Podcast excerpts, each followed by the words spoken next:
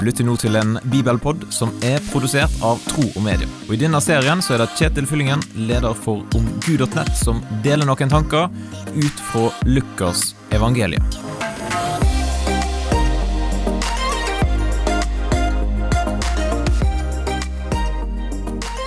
Å innføre nye rutiner eller måter å gjøre ting på, da vil alltid møte motstand. Har du noen gang lansert en idé som du syns er genial, og så blir du møtt med 'nei, sånn pleier ikke vi å gjøre det her', eller 'kan vi ikke bare fortsette som før', det er jo sånn vi alltid har gjort det her hos oss'?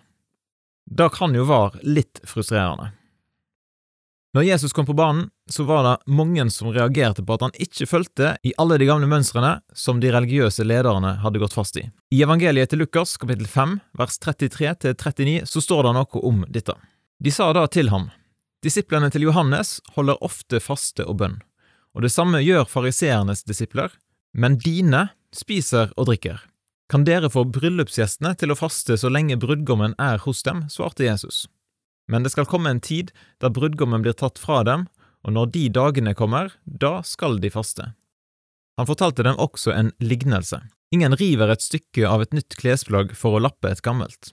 For da rives jo det nye klesplagget i stykker, og lappen fra det nye passer ikke til det gamle. Og ingen fyller ny vin i gamle skinnsekker, for da vil den nye vinen sprekke sekken, vinen renner ut og sekken blir ødelagt. Nei, ny vin må fylles i nye skinnsekker. Og ingen som har drukket gammel vin, har lyst på ny, han vil si at den gamle er best.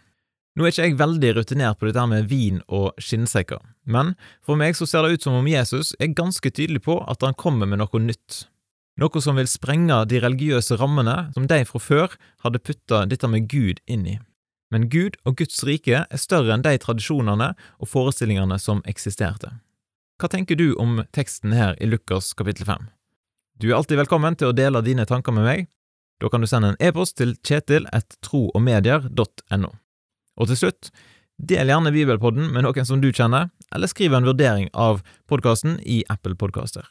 Da ønsker jeg deg en fin dag, og så poddes vi jo plutselig igjen. Takk for at du lytter gjennom denne bibelpodden. og Vil du gi en tilbakemelding på det som du hørte, eller vil du lære mer om kristen tro, da kan du gå til nettsida omgud.nett. Eller du kan sende en e-post til kjetil etter troogmedia.no.